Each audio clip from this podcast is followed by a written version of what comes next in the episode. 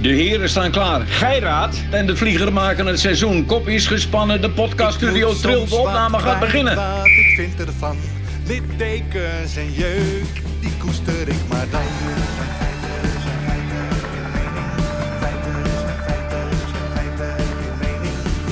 Duidelijk en luid, riemen vast vooruit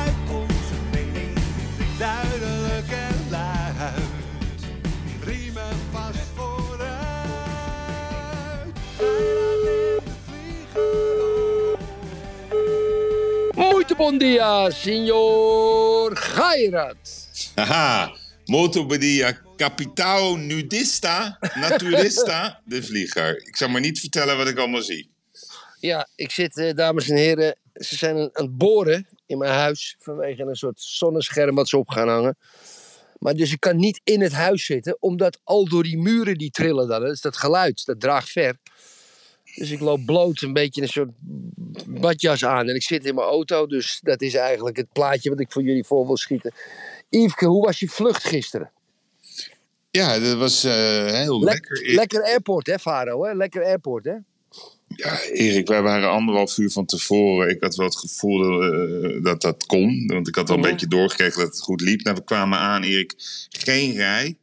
Eh, ik kon binnen vijf minuten gewoon de roltrap op. Een hele Ja, ja. snelle doorloop. We hebben lekker rustig aan kunnen doen. Broodje, koffie. Lekker. Vliegtuig Betaalbaar, in. betaalbaar broodje. Betaalbaar. En toen kwamen we op Schiphol. Ja, Ja. En daar ging het weer zoals het, zoals het ook in de kranten staat. Je moest bijna een uur wachten op je koffers. Kwamen eh, mensen tegen die waren op doorvlucht uit Australië met een eh, tussenlanding in Frankfurt. Nou, die waren al uren op hun koffer aan het wachten. Ik zei, ja, ik denk dat dat toch, toch niet gaat worden, maar dan moeten jullie maar zelf eh, bepalen. slechte reclame voor Nederland, hè? Ja, ik weet niet, wat, het, het, is, het is gewoon, ze, ze- er is gewoon geen daadkracht. Je moet gewoon meer mensen gewoon aannemen. En dat, die zijn er echt. Het is gewoon gelul dat ze er niet zijn. Het is net als een file, Erik. Als je op de snel een vijfbaansroute drie, eh, vier van die stroken dichtgooit, ja, dan krijg je ook opstopping. Ja, ja, ja. Was, je wel eh, op tijd, was je wel op tijd om de speech van Rutte of de, de, het interview van Rutte te zien? Nee, daar was ik niet op tijd. Maar ik heb het wel even teruggekeken. Dat vond ik toch wel de moeite waard. Eh, een uurtje. Mark en Sven. Leuk duo. Kritisch? ik- Was het kritisch? Ja, ja was zeker kritisch. En ik vond dat. Sven het heel goed deed. Alleen ja, ik vind Rutte, dat is de beste debater. Met zijn, hij lacht, hij was rustig. eh, hij heeft het toch om de een of andere manier altijd onder controle in dat soort debatten. Ja, ja. ja, ja. Als het, als het moeilijk wordt, zegt hij, ja, dat ziet u goed. Ja, dan ga ik, of hij gaat erover nadenken. En volgende Mm. keer gaat hij misschien anders doen. Maar daarom zit ik hier ook. Ja, en dan gaat het van Oekraïne tot Italië. Of die wel de, de premier al heeft gefeliciteerd. Hij weet elk dossier uit zijn hoofd, Erik. Overal heeft hij een antwoord op. Dan gaat het over de energiecrisis. Dan gaat het over de asielcrisis. Dan gaat het nog heel eventjes over stikstof. Dan gaat het over dat wij onze jaarrekening goed op orde hebben. En maar 50% staatsschuld hebben. Ja, eigenlijk gaat het hartstikke goed als ik er naar luister. En ja, waarom hij dan niet zichtbaar is, zegt hij. Nou ja, bij corona moest ik tegen 17 miljoen mensen vertellen dat ze thuis moesten blijven. Nu dacht ik dat ik er goed aan deed om wel met de cameraploegen op pad naar de boeren te gaan. Maar ja, het wantrouwen is dan eh, heel laag. Hij rapportcijfer 3,3. Nou, dat trekt hij zichzelf aan. Sven wou weten of hij misschien wat anders ging doen. Nou, en dan zegt hij, ik wil nooit een voorzitter van de Europese Commissie worden. Maar wel leraar. Eh, oh, waarom dan? Want hij wil nuttig zijn voor de samenleving. Het is een hele sympathieke man als je er naar kijkt. Die daar heel rustig zit. Bespeur ik, bespeur ik respect? Ik heb altijd tegen jou gezegd dat ik Rutte. Bij Rutte zie ik gewoon de machtskaart. Hij wil echt iets betekenen en hij wil echt iets goeds doen. Alleen hij moet gewoon mensen om zich heen verzamelen. Die gewoon ook die eh, verantwoordelijkheid uitstralen, die beslissingen nemen. En die niet alleen maar onderzoek doen en commissies. En dan komt straks weer Remkes en Deloitte en weet ik wat allemaal. Je wil zo graag een land met visie. En ja, nou, wat ik het, weet je wat ik het meest opmerkelijke vond aan zijn hele betoog? Dat, dat hij zei dat hij die speech had geschreven voor de koning. Ja, die D66-speech bedoel je? ja, Het Dat, voor mij, dat, dat hij dat zegt, is voor mij het bewijs dat hij eerder, eerder D66 is dan VVD. En wij weten Ja. allemaal in zijn onderhandeling met Kaag, eh, in de coalitiebesprekingen, dat hij, toen stond hij zo onder druk. En toen is, heeft hij zichzelf, hoor, is hij in een positie gemanoeuvreerd. En gekoppeld aan het feit dat hij wilde regeren, hij wilde premier worden, dat hij zijn oren heeft laten hangen naar het partijprogramma van D66. En dat is als zodanig ook in de troonrede terechtgekomen, Yves. Ik vroeg jou net, bespeur ik respect? Ik, ik antwoord daar maar even ja op. Ik denk dat jij dat wilde zeggen. Ik denk anders over Rutte. Eén quote wil ik even aanhalen. En dat is dat hij zei: Zowel in de toeslagenaffaire, de stikstofcrisis. en bij de aardbeving in Groningen. kreeg Rutte het verwijt dat hij te veel op de achtergrond bleef. Hij wil zich nu meer laten zien. Daarom is het goed dat we hier nu zitten. Ja, ja, ik, ik, ik weet het niet hoor. Kijk, Yves, het is de langzittende premier. Hij heeft enorme vraagstukken op zijn bordje. Wat mij, mij betreft is een premier gewoon een, een CEO van een bedrijf met twintig assistenten die zichzelf minister mogen noemen. Maar als je er dus nu, na al die jaren, meer dan tien jaar achter komt, dat je in grote dossiers niet zichtbaar is geweest en dan met een interview met Sven Kokkelman daar verbetering in wil laten brengen aan het einde, aan, het, aan, aan, aan, aan een regeerperiode van meer dan tien jaar, Yves, dan ben je niet echt lekker in je bovenkamer. En helemaal niet mensen die op hem stemmen. Jij kent mijn mening over Rutte. Ik heb dat vaak hard eh, onder de gordel uitgesproken. Dat doe ik nu niet. Mensen kennen mijn mening erover. Maar ik vind het volledig oneerlijk dat hij niet geslacht wordt vanwege het feit dat hij na tien jaar zegt: Ja, laat ik maar mezelf eens een beetje meer op de voorgrond plaatsen. Ik vind het een schandaal, lieve Yves. Ja, nou, dat onderdeel, daar ga ik behoorlijk met je mee. Kijk, wat ik vind, ehm, zelfs deze man, hoop je dat hij op een gegeven moment tot inzichten komt dat wat hij eigenlijk aan het doen is, en dat is wat, waar, waar het volgens mij om gaat, dat dat helemaal niet kan. Dus hij rent alleen maar naar dossiers. En Ja, vol- ja. volgens mij vinden de Nederlanders het op dit moment belangrijk of ze hun rekeningen kunnen betalen. Precies, precies. Of er eh, niet politici, zeg maar, door criminelen worden ontvoerd. Eh, dat het veilig is in de straten. Dat we gewoon eh, de treinen op tijd zien vertrekken. Dat de vliegtuigen op tijd worden vertrokken. Wacht even, doe even. Telefoon? Ja, doe, ik- doe- is dat? ja, geen, ik leg hem er even naast, Erik. Oh, We zijn, oh, we zijn even bezig. Gewoon, de, gewoon de, de kleine dingen van het leven. Dat we gewoon een normaal tros banaantjes kunnen eh, kopen voor een normale prijs. Alleen, zij praten over vergezichten, Erik. Ja. Ja, Jij refereert, jij- jij refereert zeker aan die bananenschil van mij. hoor. Nee, Erik, ik had, ik had met een zo'n leuk gesprek in het vliegtuig met een man uit Groningen, 70 plus. Eh, lekkere nuchtere kijk op het leven. Die zegt, ja, al die, al die politici, ik maak me er niet meer druk om. Eh, Weet je, ze nemen het door.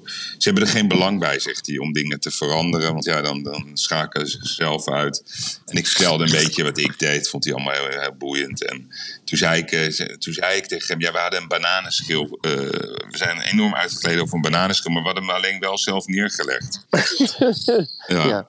Nee, maar. Erik, kijk. Ik, ik heb wel eens heel, heel, heel kort door de bocht gezegd: 80% moet weg. Ja? maar ik ja. blijf zeggen, en ik blijf er ook voor pleiten, dat het systeem waarin wij met z'n allen zitten, dat is onmogelijk. Of je nou Mark Rutte heet, of Erik de Vlieger, of Jan Paternotte, of Sigrid Kaag, of Remkens. Het maakt niet uit wie je daar neerzet. We kunnen toch niks. Want eh, we moeten naar Brussel rennen of het allemaal wel akkoord is. Dan moeten we bellen met Zelensky. Dan gaan we ons druk maken over wat er in Italië gebeurt. Jongen, het heeft helemaal geen zin.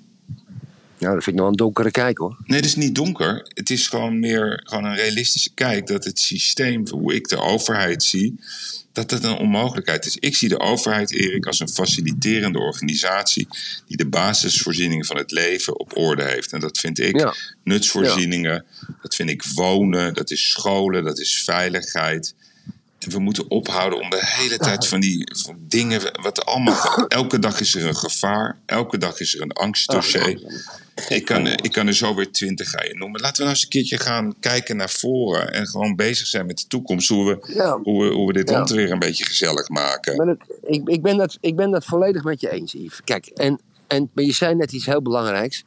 Die angstdossiers, hè. Ja. Ehm, Wij lachen erom. Hebben we een watertekort? Hebben we dit? Alles tekort. De hele dag door zijn er dingen waar we bang voor moeten zijn. Ja. Maar weet je, in de zaken heeft het wel invloed op mij. Ja. Ik zat gisteravond, zat ik, even, ik zat na te denken, weet je wel. Ik heb het lekker rustig aan. Ik ga morgen rijden naar Bilbao en naar Biarritz. Gewoon gezellig. En ik, ik, ik zit zo te denken. Ik heb 6, 7, 8 bouwputten volgend jaar, een paar honderd miljoen. Ik heb nog 10 dossiers op mijn bureau liggen. Zal ik, zal ik niet. Waarvan één een hele grote. Ja, 2, 3, 400 miljoen ontwikkelingsvolume. Maar ook door die hele. Ik lees ook de media. Ik begin ook te twijfelen over en de inflatie en de rente en de oorlog in Rusland en de tekorten op water en nog iets anders. Ik zit natuurlijk in een soort epicentrum van het toerisme. Ja, die vliegvakanties worden steeds duurder. De capaciteit om te vliegen wordt steeds minder. Eigenlijk worden, worden, worden de industrie waarin ik zit, ja, eigenlijk door dit soort dingen met klimaat zwaar aangevallen. Dus ik begin ook al te twijfelen, Yves. Ja, als en als ondernemers gaan twijfelen, zal ik wel, zal ik niet. Nee, laat ik maar niet oversteken, want het is me even te link. Dat is niet goed. Dat gaat doorwerken. Het gaat doorwerken. En dat gaat, gaat jaren overheen. En uiteindelijk door dit beleid en het, en, en het angstzaaien... zijn ze dingen voor eeuwig aan het stuk maken, Yves. En ik voel dat als ondernemer. Begrijp je wat ik bedoel? Nou Ja, je kan gewoon een liniaal trekken naar de kredietcrisis van 2008. Ja, Eh, die was harder. nee, maar die wacht. in één keer knal. Nee, Ja, ja. die was hard. Maar wat ze toen deden. Kijk, in 2008 begon het in Rusland. eh, zeg maar in september ongeveer 2008. Ons Prinsjesdag-dossier was toen. Oh, het valt wel mee. Het is een windje. Er was Bos Balkenende. En toen, eh, januari 2009, stond de Balkenende opeens op tv. Het wordt erger als 1933. Ik weet nog dat Ja. hij dat zei. Vervolgens heeft het jaren geduurd, maar echt jaren voordat er weer vertrouwen was. Ja. Elke economie, economie, ik zou zeggen tegen iedere luisteraars, ga de boeken van Keynes lezen. Het is gebaseerd op vertrouwen. Economie is vertrouwen. Dus op het moment dat Ja. er overal angsten ontstaan, gaan mensen niet investeren, houden ze hun centjes in hun zak. Gaat, eh, alles wat je zeg maar hebt opgebouwd, komt weer in een soort onzekerheidscyclus terug, terecht. Precies. Nou, precies. daar, daar zijn we nu naartoe aan het wandelen. Dus Ja. dan denken mensen, nou weet je, ik ga dat project niet doen van 300 miljoen. Ik wacht even. Ja. Ja, dat heb ik dus ook. Nou, en dat is eh, Ja, begrijpelijk. ik zeg niet dat het zo is, maar ik, ik zeg dat de twijfel een beetje. maar de Erik, komt. Erik, één ding, hè? Lief. dat zeg ik jou als, als, als, als, als, als bejaarde man. Vuile, vieze. Erik, op, Ja? op het moment dat iedereen wegloopt, dan zijn de grootste kansen daar om weer, om weer mooie dossiertjes naar je toe te Ja, ja. trekken. Ja, ja. Ja, ja. Dat, is, ook echt, waar. dat is de wijsheid als een koer. Dat heb ik, heb ik, ik weet nog toen in ehm, 2011 in Amsterdam al die panden te koop, te koop. Die zijn drie, vier Ja. keer over de kop gegaan, joh. In, in een paar Ja, ja. jaar. Ja, ja. Ja, ja. Ja, ja. dat klopt. Dat Dus klopt. wat je nu moet doen, je moet even sitting duck. Even sitting duck. Zorg dat je, je, cashmachine op orde is. gisteren, ik kreeg gisteren iets moois aangeboden. Vier wolkenkrabbers. Tenminste, 15 verdiepingen, vier stuks. In, in, bij Lissabon, een kilometer 40 te- ten oosten ervan. Vier prachtige plotsen land. Je kan, je kan kilometers ver kijken. Echt niet duur. Inkoop 600 euro per vierkante meter. Ik denk, ja, ga ik weer. Ik denk, nou, even wachten. Maar dat vind ik toch wel jammer. Nee, je moet even gewoon even lekker deze week, eh, even lekker met de notaris Ja. eh, dat ritje Ja. gaan maken naar Bilbao. En eh, dan ga je lekker, Ja, lekker eten, even nadenken. Ja. Hey Yves, heb jij, eh, heb jij het gelezen in de krant? Het viel mij vanochtend erg op. Dat de auto van die Mo Iatare in de, in de brand is gestoken. Het gaat maar door, hè, dat eh, bij die jongen. Ja, ik, Nou ja, niet alleen dat. Niet alleen dat. Kijk, eh, het, de, de- va- vandaag is ook de, weer een rechtszaak tegen die advocaat van Taghi, die neef. Die dus zogenaamd informatie voor Taghi uit, uit, uit de gevangen, uit de EBI heeft gesmokkeld. Daar wordt zelfs Ines Wesky wordt beschuldigd. Eh, we hebben, ehm, ehm, eh, wat, hebben, wat hadden we nog meer? De dreigementen van, van Amalia en dingen. Het komt allemaal uit een soort Marokkanenhoek. Hè? Dat mogen we best even zo benoemen. Ehm, daar zit een kern, daar zit een groep. En met het onthoofden daarvan door Taghi op te pakken, schijnt dat helemaal, die, die meerkoppige draak, niet onthoofd te zijn. Yves, hij lijkt wel groter aan het worden om de maatschappij te, maar verstoren. kijk, eh, ik, ik, ik vind toch, toch die Marokkanenhoek... eh Iatar is gewoon Nederlander, hè? Ja, maar laat ik, dat ben ik met je. Maar ik zeg het ook niet vanuit. maar, eh, Kijk, die kut Marokkanen, dit. Nee, zo zeg ik het niet. Nee. Ik zeg het dat er nog steeds een groep is van gasten, waarschijnlijk jonge gasten. Allemaal met Marokkaanse roots. En er zullen ook wel Polen bij zitten. En, en Antillianen en Nederlanders en weet ik veel wat. Ja. maar eh, van Mo Iatare, die, die heeft een meisje proberen te versieren. En, en zijn hele familie wordt nu bedreigd. Omdat het een paar gasten niet aanstond dat ze het meisje wilden versieren. Maar de groep, de meerkoppige draak van jongens met Marokkaanse af, afkomst. Die daar het beleid bepalen binnen die criminele groep. Die lijkt mij steeds groter te worden, Yves. Dat wil ik eigenlijk alleen maar mee zeggen. Nou, de conclusie is eigenlijk gewoon dat ze, dat ze heel veel moeite hebben om grip te krijgen op, op, die, op, op de criminaliteit. En die breidt zich uit. Dat wordt een, st- een steeds grotere, meerkoppige draak. En daarom zei ik ook tegen jou, ik vond het een mooie discussie hè, gisteren over Frits van Eert. Ja, dan gaan ze met negen man een inval doen. En nou, dat worden weer de dossiers in de eeuwigheid. Terwijl ik denk, Ja. ga nou gewoon bel Frits op. Joh, Frits, volgens mij ben je aan het klooien. Of niet, of wel, geen idee. Maar ga nou eens een keer het vizier. Dat vind ik dat Rutte had moeten zeggen.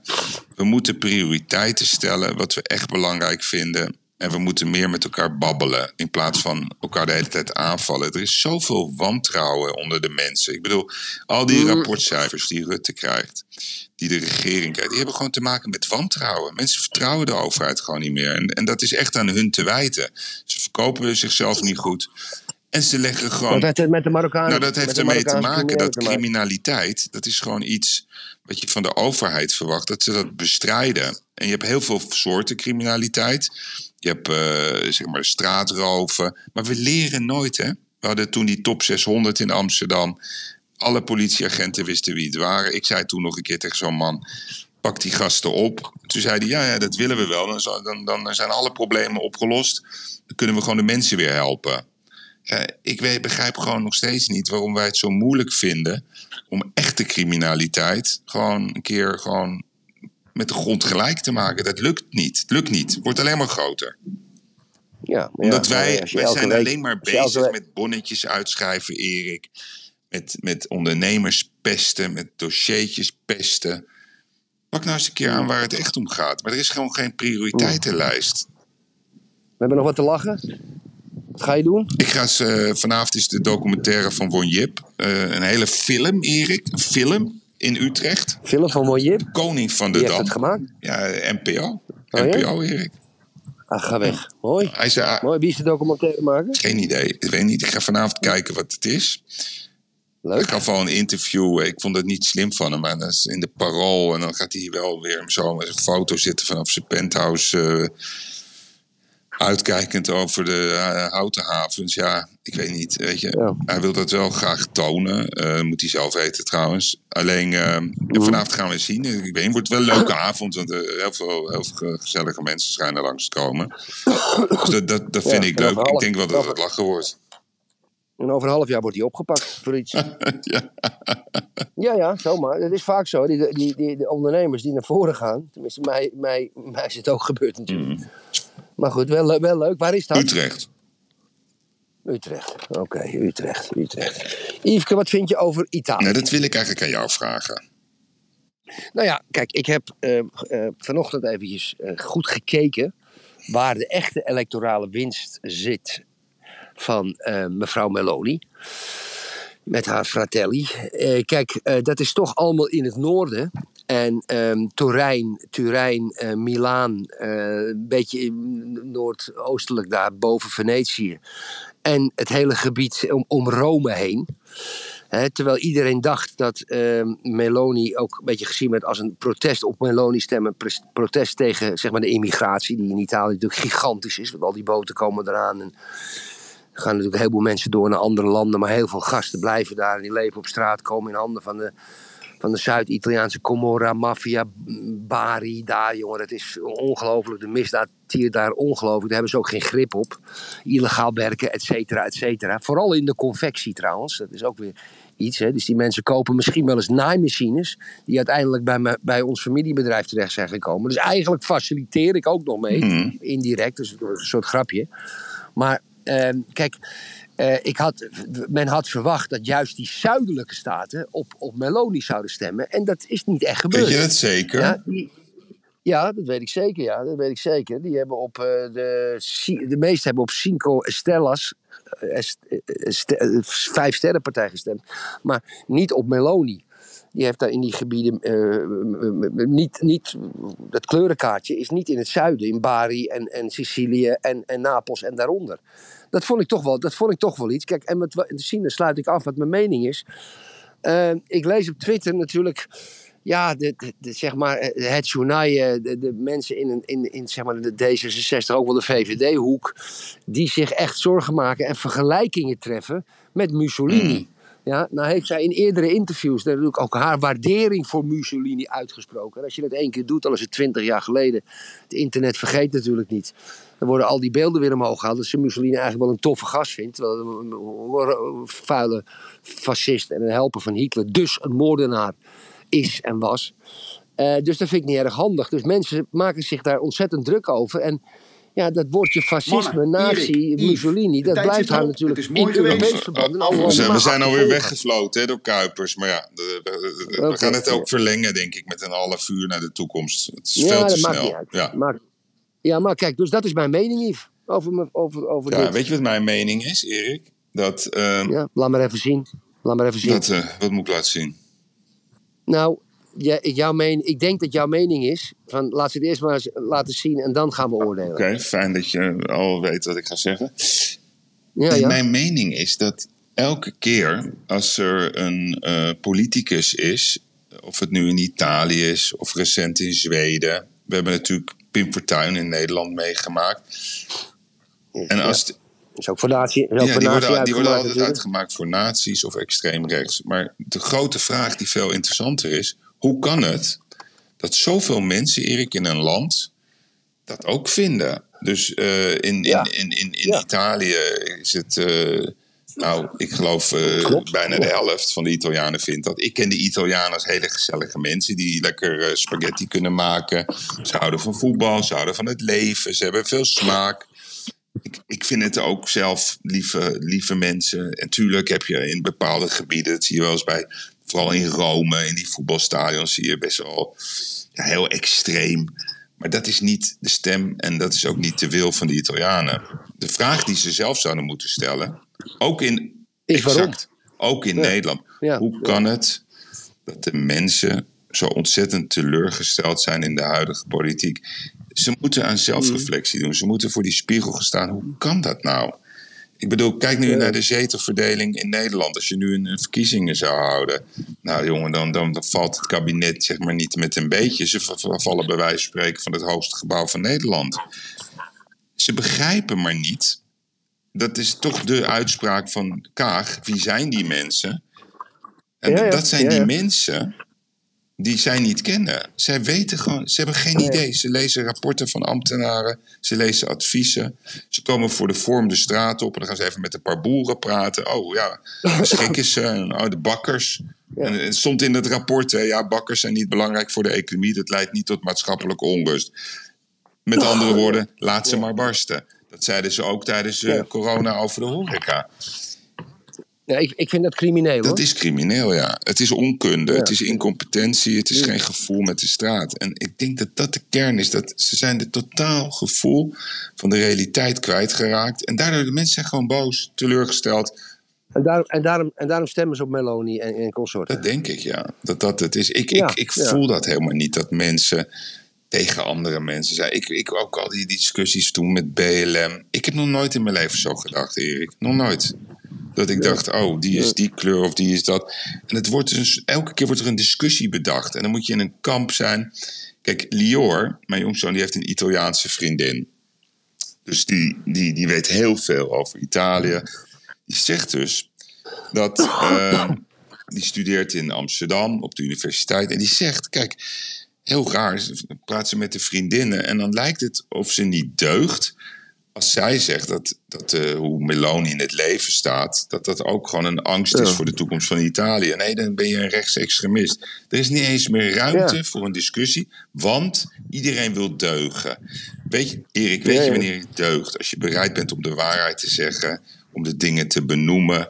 en om ook te zeggen hoe je dingen, grote vraagstukken niet zwart, niet wit, niet grijs, maar gewoon maatwerk moet maken. Alles is maatwerk. Maar zo, de politiek zit niet zo in elkaar. Het is zwart of wit en dat blijft maar. Dat maakt mij zorgen. Dat wij niet meer in staat zijn om maatwerk te leveren. Alright, ik vind het een mooie afsluiting. Ja, oké. Moet hem toch compact houden. Ik weet dat we graag lekker Ik ben wel jaloers, Erik. Oh, ik zit hier Ja, je, snapt het meteen. Zo lekker. Het is hier weer Ja. koud, Ja. regen. Ja, jongen, ik is zo lekker, dames en heren. Ik zit lekker in een graadje of 6, 27 nu. Maar ik, ik hoorde dat, dat dit een van de koudste dagen is eh, sinds ne- de- de 1900 zoveel, Erik. Wat, is Ja. daar, wat, wat moet men- moeten we zorgen Ja, maken? kli- het klimaat. Het klimaat.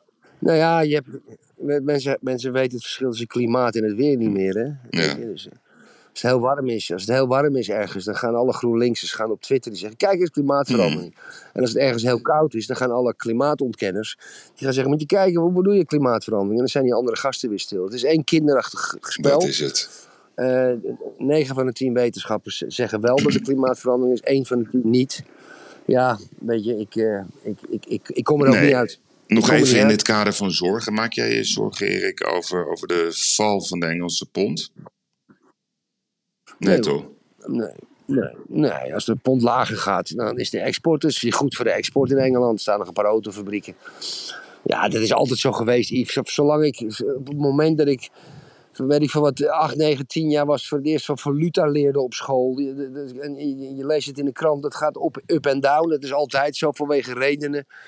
En eh, dan gaat, wordt het weer groot uit, uitgemeten. En over 20 jaar staat de pond weer op 2 euro, weet je wel, dat soort dingen. Ik denk dat er ook een hele groep van valutahandelaren bij zit die geld eraan verdienen wat we niet weten. Dat de dingen een beetje, ja, een beetje gestuurd worden in bepaalde gevallen. Natuurlijk is macro-economie, is, is macro-economisch is natuurlijk wel dominant als het gaat om de valuta, de exportcijfers, de importcijfers. Maar ik denk, ik- maakt het uit? Dat, Nee, wat maakt het uit? Je, wat je ook kan doen, wat je ook kan doen, hè, je zegt op een gegeven moment, nou de pond is één, de euro is één en de dollar is één. Eh, we bevriezen alles en we Ja, laten het zo.